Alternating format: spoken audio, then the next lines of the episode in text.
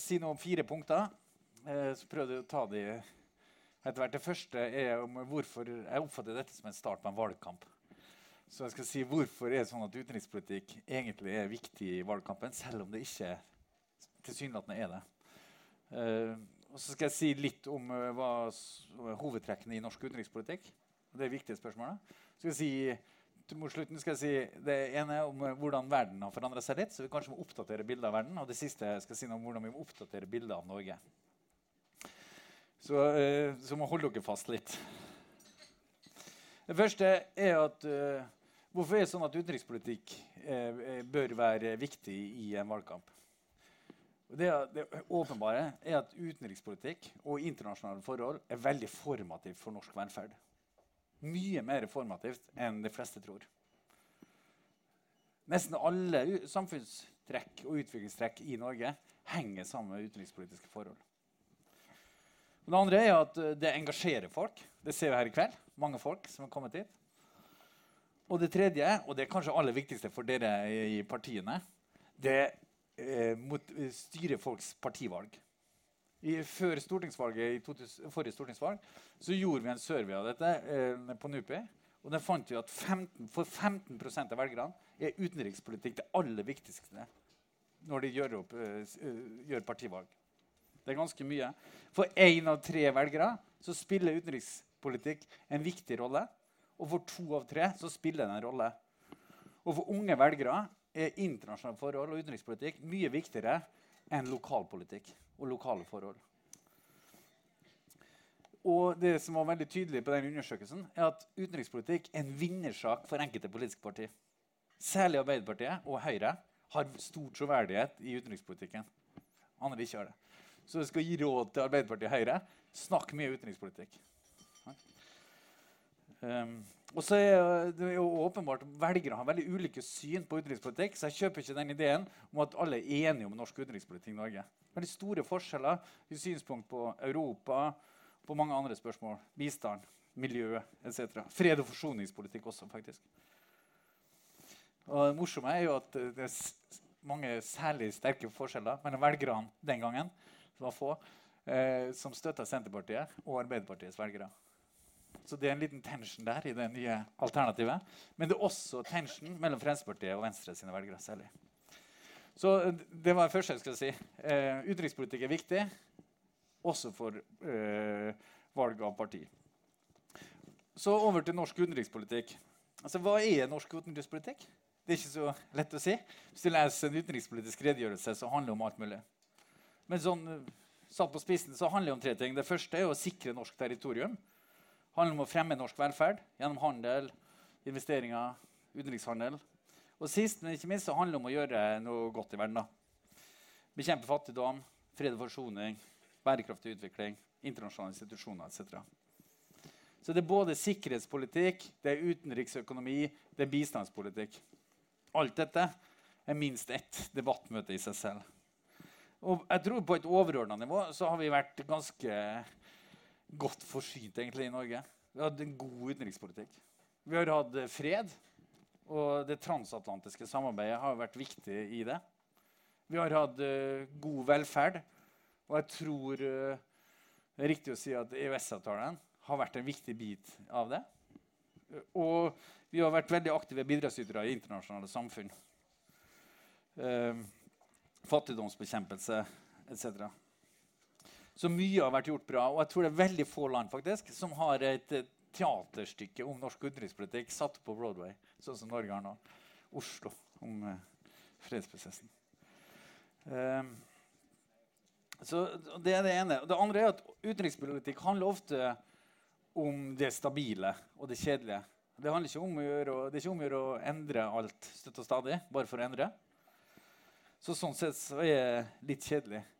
Men min kollega Iver Neumann han har gått gjennom alle norske utenriksministre og prøvd å sette en karakter på de. For, jeg skal ikke gjenta de karakterene, men, eh, men det, han, det, som er poenget her, er å si at eh, en utenriksminister, eller utenrikspolitikk for en regjering, da, kan enten operere innenfor de nasjonale rammene som sitter der, og innenfor de internasjonale rammene som er gitt. Og det vil han si ok, det er en ganske god utenrikspolitikk, eller utenrikspolitiker. Hvis man klarer å utvide det nasjonale handlingsrommet, eller utvide eller utnytte det internasjonale handlingsrommet, ja, da får du en sekser. Eh, så får du en toer eller ener hvis du verken klarer å utnytte det nasjonale handlingsrommet eller utnytte det internasjonale handlingsrommet. Og jeg tror at hvis vi tar eh, den verden som kom etter 1989, så har Norge utnytta det handlingsrommet veldig godt. På mange sider. Bjørn Tore Godal er en av dem. På to år så snatcha de og laga EØS-avtale. Eh, Torvald Stoltenberg gjorde det samme. Fikk til Barentssamarbeidet. Skapt noe som var mulig å få til. Og det som er Spørsmålet nå er jo når verden forandrer seg. Hvilke handlingsrom er det som åpnes, og hvilke som lukkes? Og hva kan man gjøre nasjonalt som har endra seg? Og da må vi stille det spørsmålet hva var det som funka før, som ikke vil funke nå? Og tilsvarende, hva er det som ikke funka før, som kan funke nå? Og jeg tror at vi skal, jeg ville ønska noe mer eksperimentering i innenrikspolitikken. Men også litt mer systematisk resultatmåling, kritisk eh, testing av hva som funker og hva som ikke funker. Så skal jeg uh, komme med to eh, ting om hva som foregår i verden. For det første tror jeg helt sånn allment at vi må oppdatere bildet vi har av verden. Altfor mange har et bilde av verden som er bildet av den verden som ble introdusert etter 1989.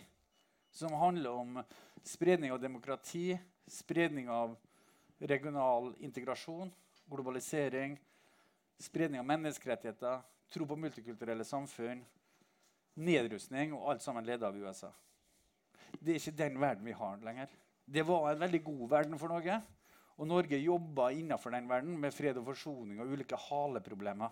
Men da var ideen at alle skulle bli som oss. Men det var noen som var før, tidligere og senere var leaders og laggers.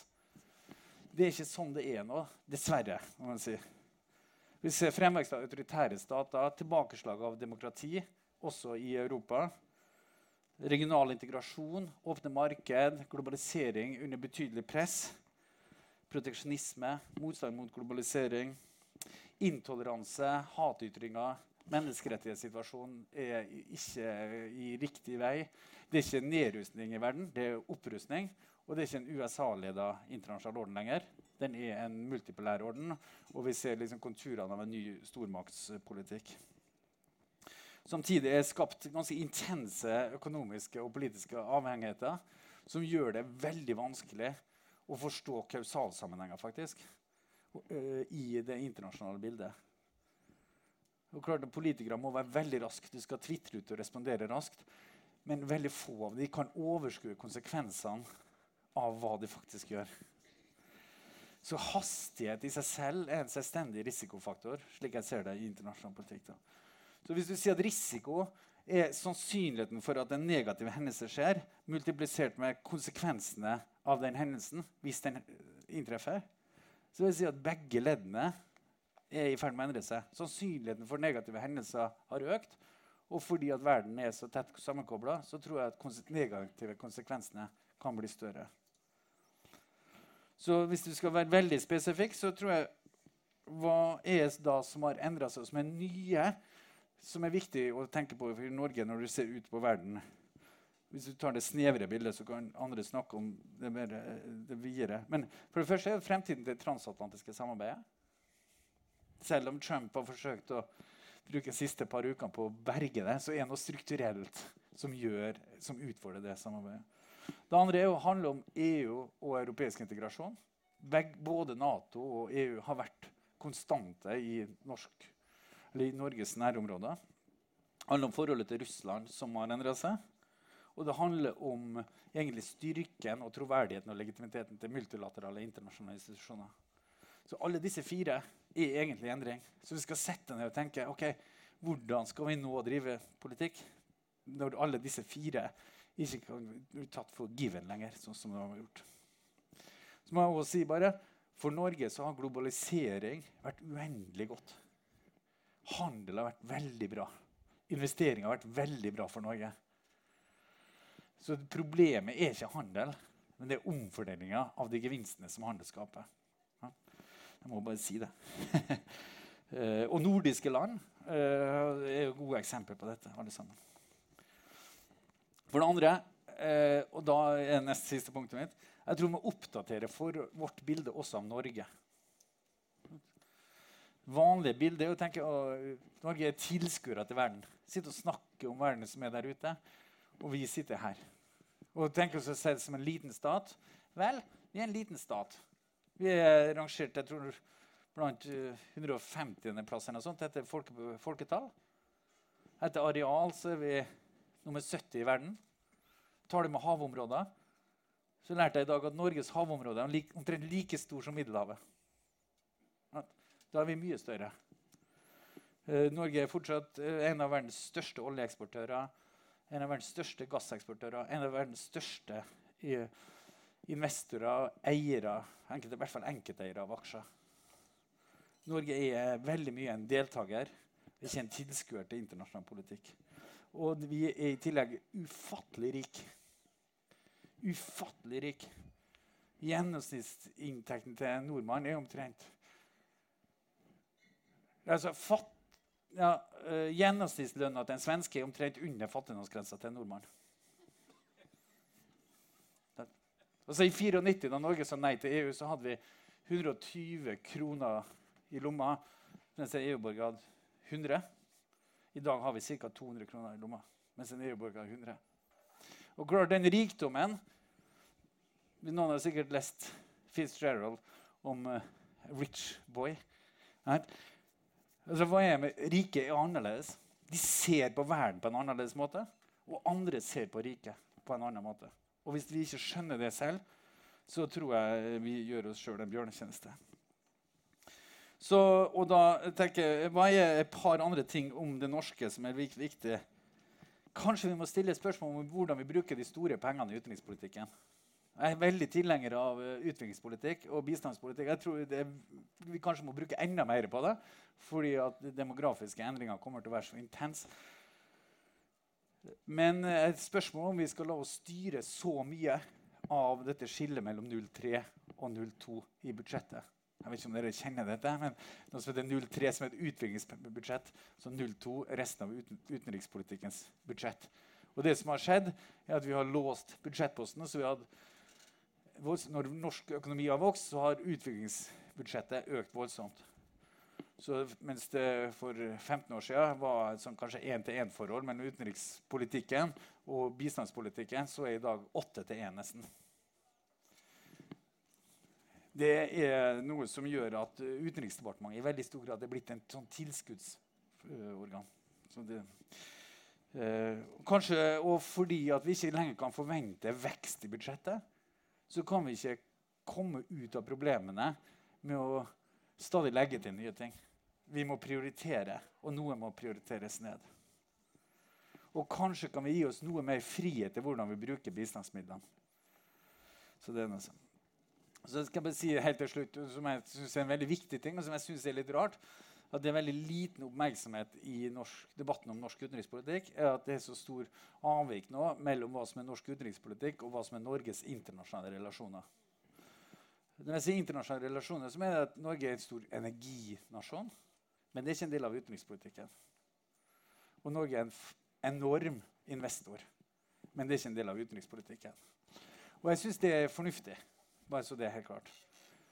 Men jeg syns vi må tenke litt mer på det samspillet og forholdet mellom dette fondet, investeringene, og utenrikspolitikken. Altså det er helt vanvittig stort, da, fondet. Avkastninga av fondet er nå større enn tilførselen. Kuponginntektene, altså utbytteinntektene fra fondet, overgikk i fjor både oljeinntektene og gassinntektene. Det, må, utbytte, det er ikke avkastning. Det er helt vanvittig stort. Det er ca. 200 milliarder. det. Mens norsk fiske og sjømateksport er ca. 60 milliarder. Og jeg mener ikke at vi skal bruke fondet til å fremme norske utenrikspolitiske interesser. Jeg er nesten frista til å snu omvendt. Hvilken utenrikspolitikk skal vi føre for å ivareta fondet sine interesser? Og Det betyr at vi må òg tenke om Vi kan ikke ha en debatt i Norge der vi er skeptiske til eh, internasjonale domstoler og andre ting som skal ivareta investorers interesser. Vi er jo sjøl en av de største. Vi må passe på å trygge våre investorer. investeringer. Eh, og Sånn kunne man fortsette på mange ting. Hvis vi f.eks. ønsker at sjømat skal vokse og bli en stor næring, ja, da må vi gjøre noe med handelspolitikken. Og for å gjøre noe med handelspolitikken så må vi liberalisere matvarehandelen vår. Jeg bare si det. Så, og, og, og, dette er jo det som er viktig. Hvis du skal gjøre noe med handelspolitikken, så må du åpne disse vanskelige tingene. Så jeg kjøper ikke den ideen om at uh, utenrikspolitikk er det er enighet om alt.